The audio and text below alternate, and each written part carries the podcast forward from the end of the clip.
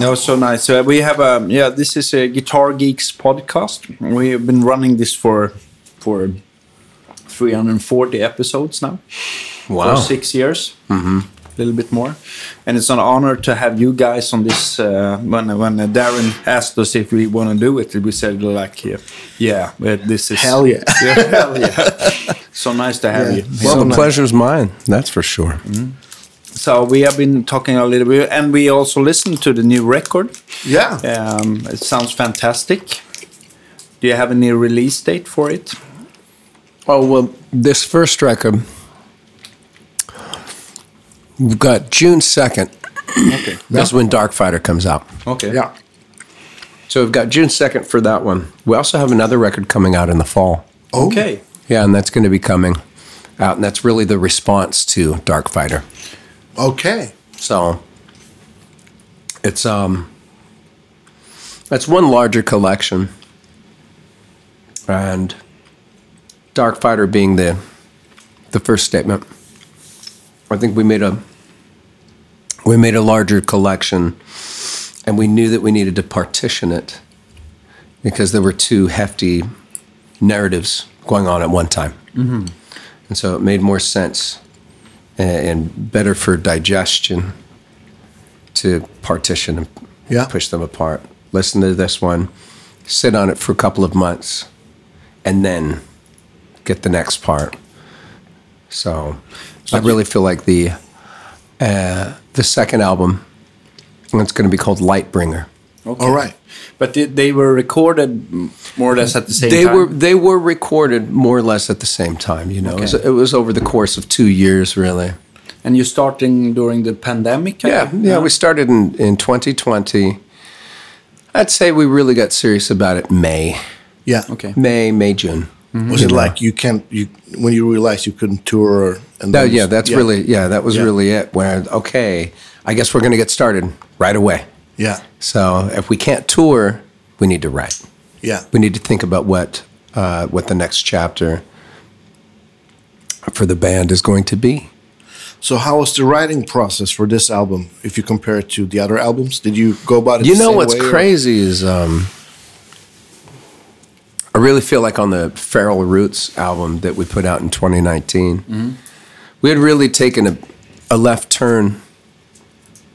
Um, creatively, we took a little bit more time than we ever had. And I thought that that was a long time. You know, it was a good like eight, nine months or something like that. Yeah. I thought that was a ridiculous amount of time. But with Lightbringer and with Darkfighter, we took two years. Yeah. That's absurd. but at the same time, like we had that time. Yeah. We would go into the studio and record for a week, week and a half. And then we would go four or five months for a refractory period and then go back in again. And so a lot of living in those four or five months would Yeah. happen every time because you have to you have to consider that we're looking at the pandemic Yeah, yeah. we're looking at the shutdown and over in the united states we shut down a lot quicker like than you guys did Yeah. over here you guys were going for the herd immunity and Yeah. you know so you guys had a different approach for us it shut down and everything got very political in the united states Yeah. like dangerously political so you have the virus and everyone politicized that then you had masks and then people say Yeah. fuck this, we're not gonna wear masks. Or some people were like, you need to wear your mask. Ah, I'm not gonna do that. You're not gonna control me. And then you had people that were like, okay, well, there we have a vaccine. Okay, I'm gonna go and get vaccinated to protect myself and others. And then other people going like, fuck you, I'm not gonna get a vaccine. It isn't real or just Yeah. whatever, you know. Mm-hmm. And so you had all of these different ideas, and then you had an election, and then you had you know, then you had the murder of George Floyd in Minneapolis Yeah. that created the Black Lives Matter Yeah, movement, you know, that was an answer to the, you know, Yeah. a, a long overdue um, movement. And then you have all of this stuff. So it's like there was always so much to write about. Yeah. So we'd go into the studio for a little bit and then there would be a very uh, culturally there, were, there was so much to write about that we just kept going. We needed to keep making the record, and the final statement didn't really feel like it had been said until our last session in Savannah, Georgia, is Yeah. where we finished up the record. The rest of it had been recorded um, in installments at RCA Studio A in Nashville. Yeah, with David Cobb. Yeah, right? with Dave Cobb, and then we uh, he he moved out to Savannah, Georgia, where he's from. He's from Yeah. out there. And then we finished up the record out there. Yeah, And then by the time we got it all finished, we realized that we needed to separate the collection. because you had so out. much material that you liked. Yeah, Yeah. yeah. And uh, mind you, a lot of songs, a lot of songs died. We had to kill a lot of songs, you know, um, to make sure that the collection itself was going to be Yeah, as creatively stable, you know, as it is. So did you?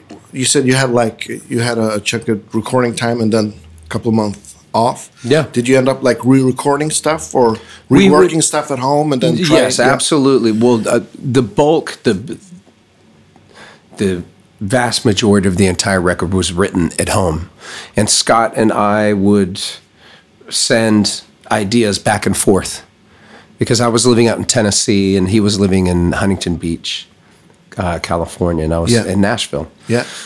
And so we would send songs to each other. You know, I would send a song to him, and he'd be like, "Well, okay, I'll write a riff for that." And then he would send a riff to me, and then he would send me a, a verse um, progression. Yeah. And I'd write a chorus and send it back to him. And so we would work this way remotely, and in a very interesting way. Um, that was different than how we it was different in many ways, but also very familiar and intuitive in other ways. Um, but we relied on technology, Yeah. and you know, um, you know, U- Universal Audio sent us some gear and some Yeah. interfaces, and then they launched their their platform Luna, Yeah. And we wrote most things in Luna, and then we'd send it to each other. Yeah. And I could send him my entire session. Yeah. Or he would send me his, and so and we're both, you know, uh, decent engineers and very proficient uh, in music production. Yeah.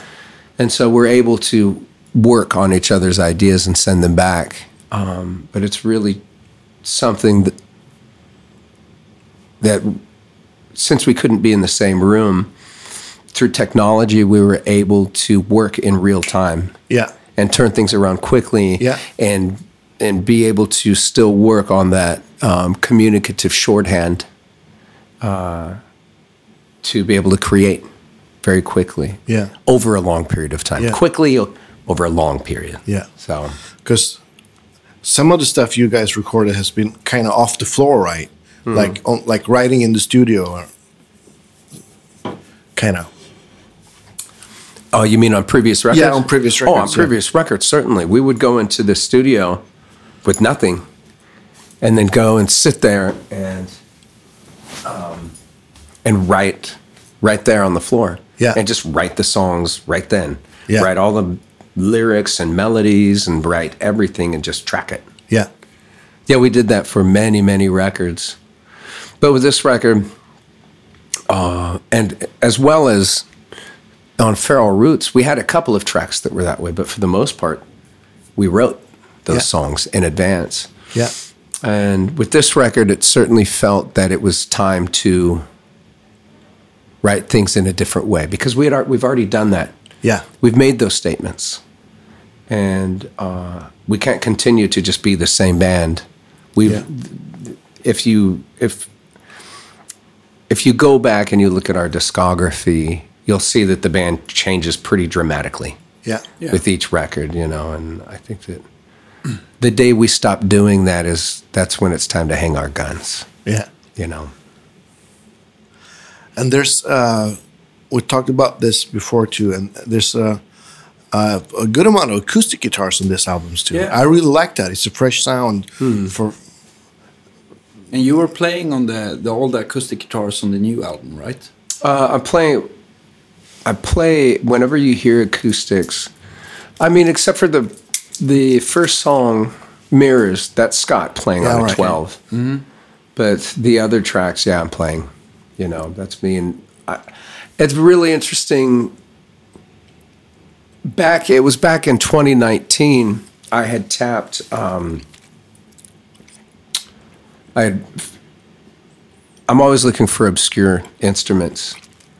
And, you know, I've been playing guitar since I was a little kid. So I've always, I have too many guitars, too many acoustic guitars of different, you know, everything from 12 strings to four string tenor guitars to, you know, eight string uh, mandolins. And uh, the majority of the songs that I would bring to Scott, I, for both of these records, were they were written on a baritone eight string acoustic. Oh, cool. Which brand? Taylor. Taylor. Okay. Yeah, and uh, I had. I'm always looking for obscure instruments because we pick up a different sort of instrument. You it forces me to write songs from a new voice Yeah. and in a new way. yeah. And so it was back in 2019. I had stumbled across an eight string baritone acoustic. So then I got on the phone and I called Taylor. I said, Hey, I want one of these guitars. So I got this guitar from them and I had it with the specific idea that this, the Rival Sons next album is I want to write through this. Yeah. I want to write through this voice because no one's doing that. You know, Scott, he's uh, for the last few records, he's he plays baritone, electric guitars, and and so I knew that I could collaborate with him in baritone, and um, that it would be an easy language that both of us could speak. Yeah. And so I did a we both did a lot of writing on baritone. And it's really trippy to look back now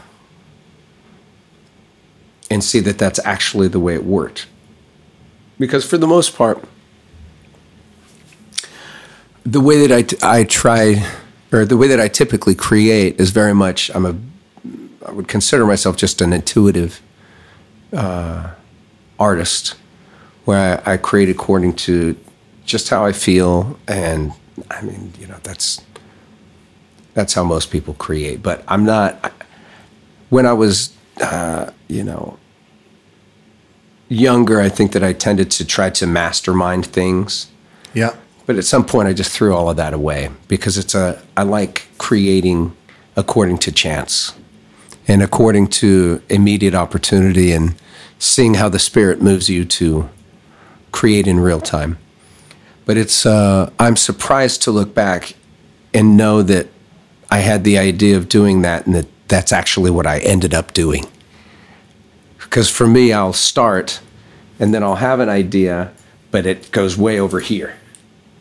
You know, it's like the way something ends up is almost never exactly how you planned it. Because I typically just don't care Yeah. about making sure that it, you know, ends there.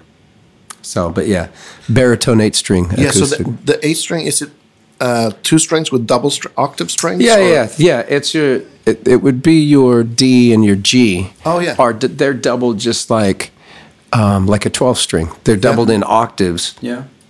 Yeah, uh, you know, I have 12 string guitars and and the 12 string is a is fantastic. It's a very lush, it's very full sounding Yeah. guitar, but at the same time if if you're listening to a song on 12 it it starts just becoming so much of the same. A lot. Every note has the double sound. Yeah. Every single note. And so you listen to it for a while and think, okay, yeah, I can hear that. Uh, everything sounds like 12 string. And uh, it's such a distinctive tone that you can, uh, you just get tired of it. 12 string is one of those, you know, for the most part, you employ it for projection. Yeah. and for a very full tone. Well, that very full tone, you kind of get like 12 string fatigue, Yeah. you know, from listening to it, and you get bored even playing it, you know. Uh, except for under s- certain circumstances, you know, that's part of what makes, you know, Lead Belly's blues Yeah. sound so different. Is you know he's playing 12 string with slide, and his type of picking for 12 string is totally different than what you you know you're used to hearing. But what I was so attracted to on a baritone eight was it really showcases the mids, you know, and it gives that chime, that octave chime Yeah. right in the mid range where the mid range can get lost, especially if you're playing a baritone acoustic, because your your lower strings, um, your first two strings, they're so thick. It's like piano wire, Yeah. you know, or like an acoustic bass. Yeah, yeah. And so you play that, and they're very prominent and then also your your B and your E, you know, your fifth and your sixth strings, those are higher than the other ones, so they have their prominence. Yeah. So by doubling the middle two, you're able to bring a chime only to those certain frequencies.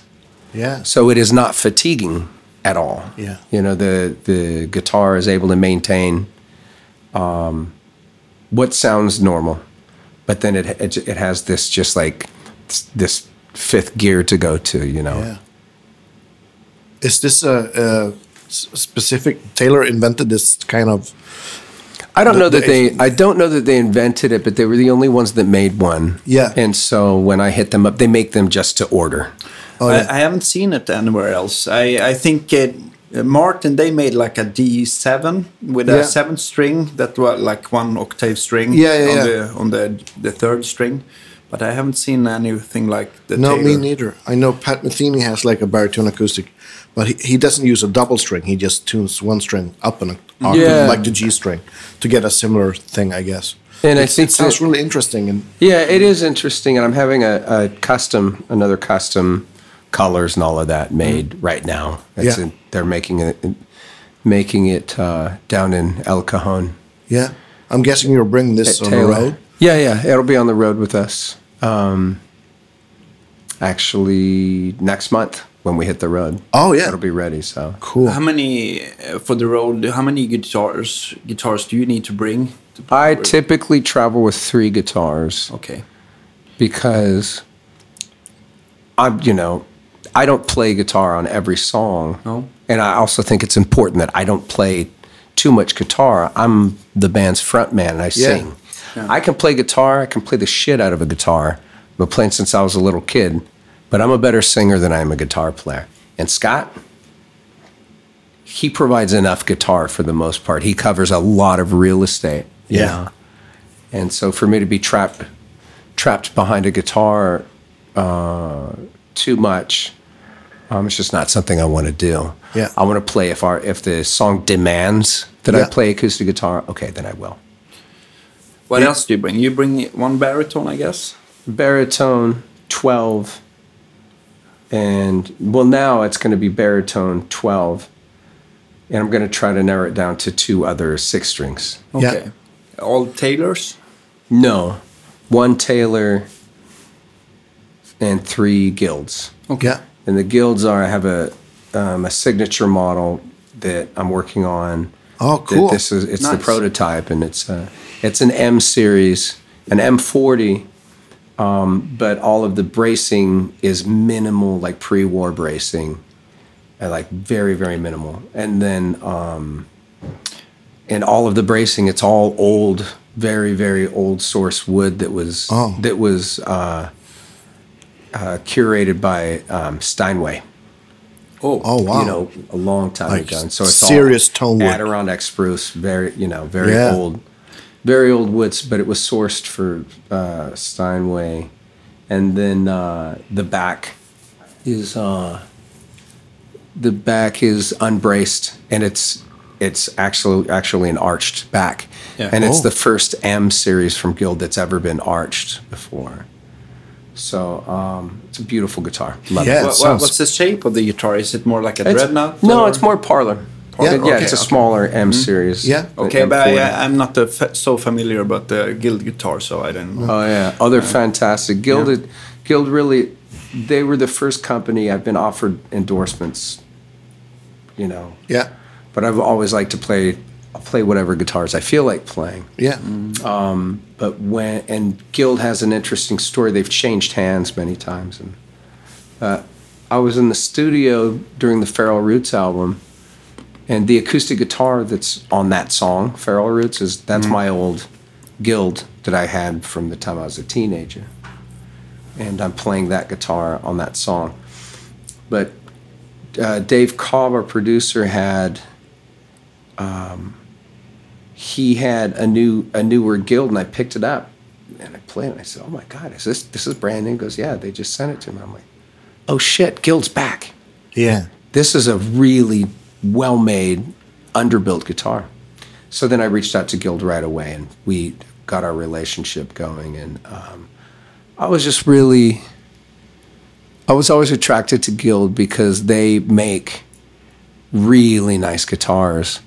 They are so beautiful too. Yeah. They are beautiful and re- very, very well well built guitars, especially if you can get something from the from the '60s back in the Hoboken, New Jersey. You know, Yeah.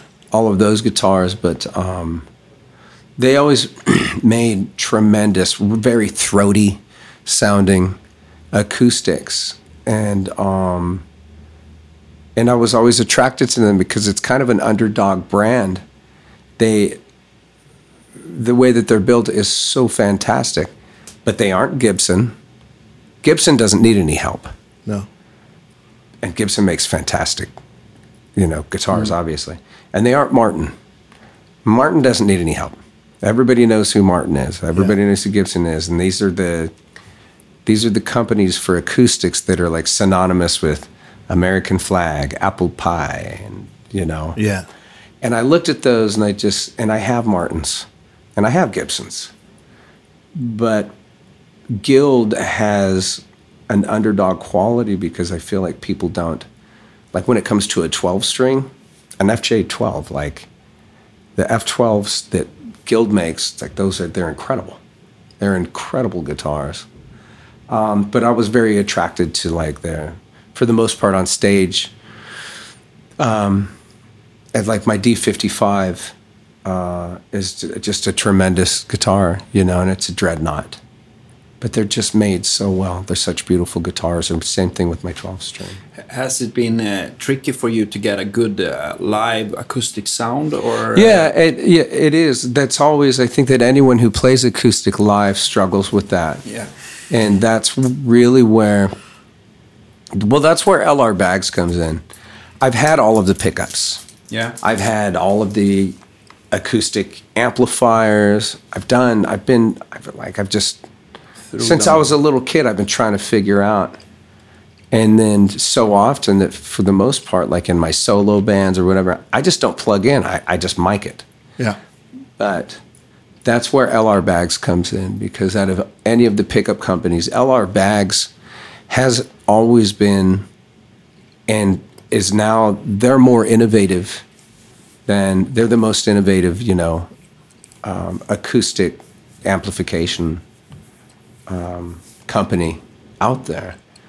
But so for the most part, with my pickups on stage, like I, I just go through a magnetic sound hole pickup. Uh, is like it the- called M8? No, the, the, the M1. And one. M1, Yeah. So now the M1 I'll use, and that's before like LR Baggs has their system called the Anthem system, yeah, right. and that's like their top of the line, and it's I you know, I have it I had it in all of my guitars, right? I'm using that live. I'm just going like I think this is just too. I'm not Leo Kottke. Yeah. You know what I'm doing on stage. I'm competing with a very loud band. Yeah. I, and I made the move to I just have a good you know session DI and I set I have my tone set up, or now we have the LR Baggs has the tone print DI, which Yeah. is a great DI. But I set things up and then I go through a mag, the M1 magnetic pickup, less feedback, and it provides the M1 has a really really great tone, and it's um, it doesn't necessarily sound exactly like what the guitar would sound like acoustic. It's not that. But it's a you're, good sound. But you're trading convenience and you're you're trading uh, you're trading that tone um, because it's going to work better in a mix Yeah. live in a rock band setting. Yeah.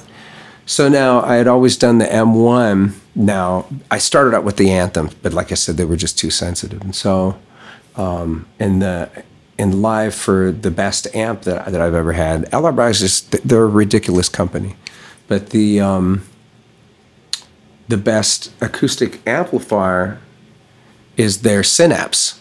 That's really a small PA, but it has uh, 180 degree spread Oh, right. Oh, and uh, and on stage it's perfect because it throws that ambient tone out to Yeah. everyone, and not in a very caustic or overwhelming way.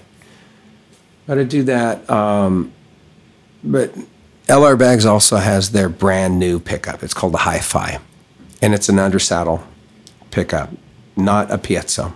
All right. And uh, and this Yeah. is like they've been working on this technology for like the last four years. So yeah, they are they are a little bit like um, uh, what's the name of their? Uh, it's uh, another big company. Um, Uh, Fishman? Or not not Fishman. Uh, they are just uh, you're gluing the the pickups. They Uh, are K&K. K and K. Yeah. Yeah, yeah, yeah. Yeah, it looks a little bit similar. All right. So they're doing this this uh, under saddle situation. And the high five is a tremendous pickup. As soon as Scott and I get home from this press trip, I got to take send all of my guitars up to San Luis Obispo Yeah. Okay. and To have get the new one? Yeah, I'm Yeah. I'm going to have them fitted out, outfitted Cool. with the uh, hi-fi pickup. But even LR Baggs, they know that they're fighting an uphill battle. Yeah. because an acou- the acoustic guitar sounds best when you're just sitting in a room playing Yeah. it. Yeah. When you were recording uh, acoustic guitars for this album, what, what did you use the same guitars as you are using live? Yeah, Or yeah, yeah. My M1 signature, or no, the M40 signature was used on a on a few tracks. Um, my D55 was used. Um, a Cordoba. Um, the, their concert model was used for nylon. Yeah. and then um, yeah, it's basic basically it. My twelve string. Yeah. do you have like a favorite way how you mic your acoustic guitars when you're recording them, or or uh, what what do you use? I'm on a four fourteen. Yeah. Okay. Works great. You know. Is that AKG? AKG, yeah. AKG. Yeah. It's a classic. Like on the 12th fret, kind of, or Yeah, right around there. yeah. And it also it depends on what style, how you're picking, Yeah. or how you're strumming too. You know. Yeah. Yeah, of course. Uh, so, for strings, what's your favorite for acoustics? I've been playing the DR Dragon Skins for the last few years. And what I like about that that it's a coated string. Yeah. You know, which is great for uh, when you're playing live. I don't I don't like my strings changed all the time. And I don't necessarily like the new string sound Yeah. Because it ends up covering the actual guitar tone. Um, so yeah, the dragon skin mediums. Um, because they're coating, you know, uh, there's a lot of coated strings out there. Yeah. But I like those dragon skins because they feel they still feel have a very organic feel to them. It's not too thick, and they hold their tone for a while, and um, they sound warm instead of new string style. Yeah. You know, they they don't have that new string overwhelming chime, Yeah. and uh, but yeah, DR Dragon skins. Yeah. And Yeah, for like the same for the the baritone. Eight No, the baritone. Went back. I don't. know, I just have Taylor send me the strings. yeah. I don't know who makes those. I never asked them. They just send me sets of them. Yeah. I think most of the Taylor guitars on in the store they are equipped with the elixirs, but Yeah. then, yeah, I don't know. about the baritone, of course. Yeah. Um, nice. But uh, about the tour now. So you are you are the the, the new album is coming out uh, June 2nd? June second. Yeah, June 2nd. And uh, and then the tour starts as well. Well, this first tour starts in what May 11th. Okay. All right. So it runs through, and that's going to be a uh, U.S. run. That runs through. Uh, I want to say June 18th or so, 17th, something like that. And that's going to be the United States, and then we come over here to Europe. Uh, Mid October. Yeah. Yeah. I think you're playing here in Stockholm, November. Yeah, yeah, yeah. yeah we Beginning are. of November. Yeah, playing at BK. Yeah. Yeah. Nice. Yeah. I would like that- to go. Yeah, we'll We have, have to, to go. catch that. Yeah, of Yeah. course. Nice. Um, So you you mentioned Lead Belly. Have you listened a lot to like old blues guys and Yeah. yeah, Yeah, I, love was raised. I was raised on the blues for sure. I, Yeah. I mean, for me, guitar. I mean, this is a. You know, you guys are guitar nerds, so yeah, For me, I started playing guitar when I was a kid. I mean, as soon as my hands were big enough, because my pop always had his guitars laying around, and I kept wanting to play, but it takes a while for your hands to be big enough. yeah, And then um, for me, I just started playing as soon as I was able to really get my hands on it, about 12 years old, you know, 11, 12 years old. And then getting a little bit older where you can actually feel you can get more done. Um, I uh, started out on acoustic guitar, and I think that as soon as I could actually play and start strumming chords and everything, I just started writing songs immediately. yeah, So guitar has always been a tool to write songs on. yeah, It was never like I used to play lead and you know in a previous band I played lead and sang, but um, yeah, yeah, played electric guitar. But for the most part, guitar has always been about writing songs. So you started singing at the same time, I guess. Oh no, I started singing before. Oh, right. I always sang. Oh, right. Singing was always. I started playing guitar so that I could accompany right. myself. I That's see. the only reason. yeah, okay. I, you know, that that was the only reason I played guitar was so that I could play and sing. Yeah, but your father, he was playing too. Mm-hmm. Oh yeah, mm-hmm. yeah. He would. He was the type. He worked at the steel mill, and he would just come home and play, and just run scales, and I would watch him, and Yeah. I was always very interested just listening to him play. I would just sit there. I'd lay on the floor, and he would play, and it was very. It was very interesting watching my father, who worked so hard, be able to just come or be home and just unplug and just be free. I was always very aware that my father and my mother uh, worked really hard. So to watch this grown man be able to just unplug and just play yeah, songs was like, yeah. What kind of music did he play? Or- Oh, he'd play everything from great guitar player, and then he picked up bass later in life, and he played a lot of bass. But um, he'd play everything. He'd play a little bit of jazz, and uh, I mean everything from a little bit of like Yes to um, a lot of Hendrix. yeah. You know, he would sing like Castles Oh, castles made of sand uh, for my sister and I would be like, "Hey, play the song, Pop, about the play the song about the Indian brave." you know? that's beautiful. I Yeah. love that.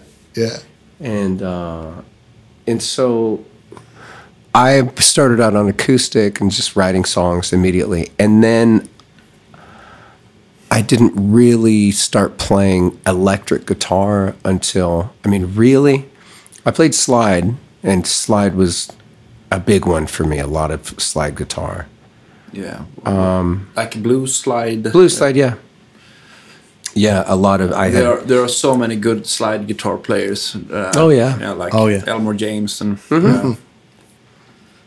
Oh, there, I mean, there are tons, but uh, for me, it was uh, slide interested me because it was more vocal sounding. yeah. Did you have any favorites guitar players for slide? Oh, well, I mean, for me, like, yeah, Elmore James. Such a great El, yeah, great. Yeah. I mean, it was great. I mean, just great. But like, it was also very, even though it was, it was, um, uh, because it still had the sound. It was a different instrument, but like Santo and Johnny, you Yeah, yeah, know, like sleepwalk and Yeah. like how glass and Uh, that's clean super that vocal. sound. You know, very, very. They played. You know, everything was very vocal, and um, Ry Cooder, and you know, it's Yeah. like you. All of the blues, all of the Delta blues, like all of that. It's like, look, I loved all of it, Yeah. But I also knew like, I'm a white kid from Southern California. I'm not a blues man. Yeah. you know? So it's like i would listen to all of it. Blind Willie Johnson I, all of it. And it really got into me but i knew like this is not music for me to go play. Yeah. it doesn't fit. And uh, it just didn't seem like i love that and it i was raised on this stuff but that's not my story you know Yeah. that their blues that's not my story Is that how you uh, discovered open tunings from playing slide yes, guitar? uh, absolutely. Yeah. It was yeah. Open tunings came from from slide. Open tunings also came from like Joni Mitchell. Yeah, of course. You know, course. Uh, Crosby, Stills, Nash and Young, and like Yeah. Nick Drake and like that that sort of stuff. So I'm not talking into the microphone. No, I'm no, talking no, it's all right. We, we, we, we are.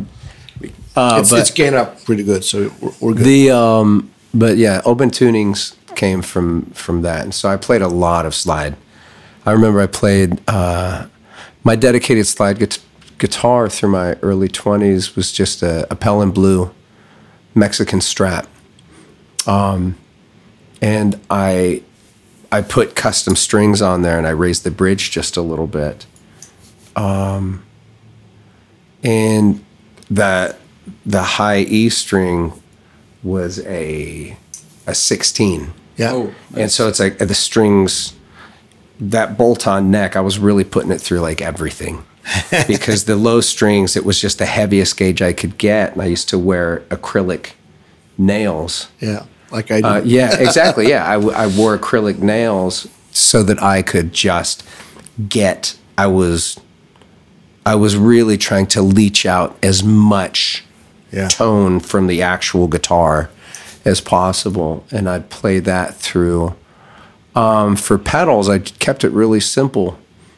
A classic TS9 with an EQ pedal and then for different things, um, I had a DD3 for delay with the volume pedal where I could do swells with the DD3 with uh, that Boss pedal. yeah. Um, but it was really the TS9, and then uh,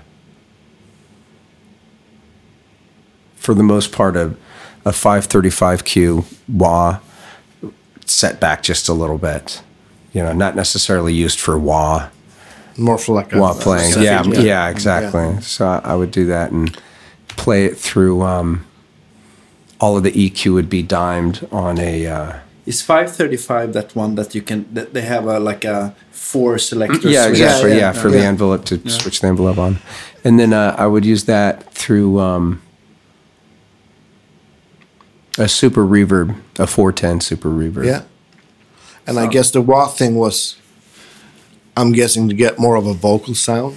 yeah, Like, yeah, yeah, yeah. For the most part, yeah, and that, and uh, so my guitar, my main electric guitars were that Strat, or not the Strat, the Tele, and um, I was able to inherit from my father um, a '67 335, and that was like that was the guitar that I learned how to play electric guitar on. yeah. and it was very interesting. Uh, I never used a pick ever Okay. and I just started using a pick like three years ago because a pick always felt like like a fucking condom or something. I, I, I didn't grow Yeah, up yeah. playing that way. I didn't want something between my fingers and the strings. Um, but uh, that 335 that I grew up playing typically had 13s on it, and the frets were worn down pretty good. So that sort of a tone with my fingers, like really low frets, with and playing 13s. Um, again, the 13s were so that I could get as much tone out of the guitar. And then um, I developed my style of playing and my touch based on a guitar that was very difficult to negotiate with. Yeah. You know, like a 335 isn't, you don't just whip it around like a Tele or a Strat. It's something you have to negotiate with it a little bit more, you know. And um, Do you like that? A bit of a fight? yes, absolutely. Yeah. I think so.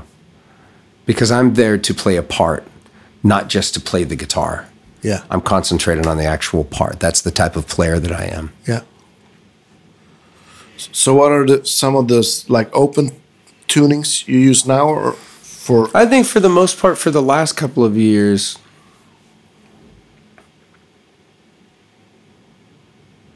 there's DADGAD, Dad Dad, and then um, even for the for the baritone, I play an open, or no, no, it isn't open. It's A standard. Yeah, okay. Yeah. So instead of it, even a baritone would be in B, Yeah. tuning it all the way down to A yeah. to ha- give it a completely At a very, very, Yeah. very low sound. But yeah, for the most part, it's um, it's those two tunings, and I I would do more, but we can only bring so many guitars out on the road, Yeah. and for every new tuning, I'm going to need another guitar Yeah, on no, stage, and it's like. Quickly gets out of hand. Yeah, it gets way out of hand, man. yeah. Yeah. You were talking about the new record now that uh, you're going a little bit different direction. How how would you describe this one compared to the ones you made before? Oh shit.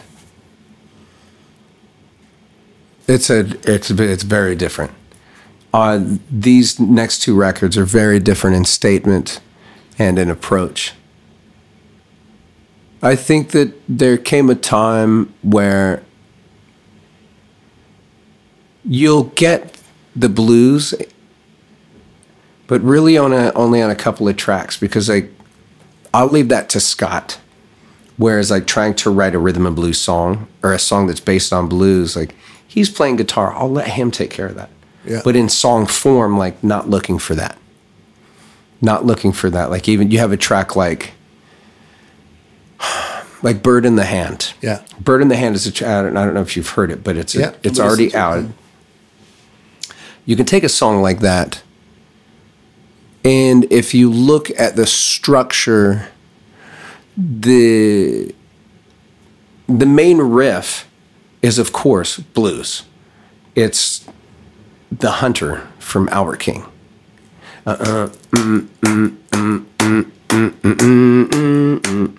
Or, you know, they call me the hunter. Right? Yeah. But instead, like, okay, so Scott brings this to me. And I'm just going like, oh God, I don't want to play blues right now. I don't. We've already done this. I want to do something different. But he's, you know, it's got this great thing, and then we write this chorus that isn't a blues chorus, right? Those chords are the chords like F, C, D.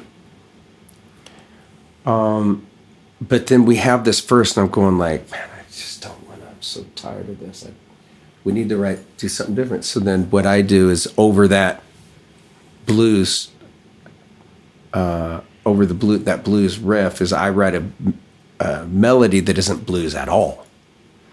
It has more to do with Appalachia because you had dun dun dun dun dun dun dun dun dun, dun and instead I go.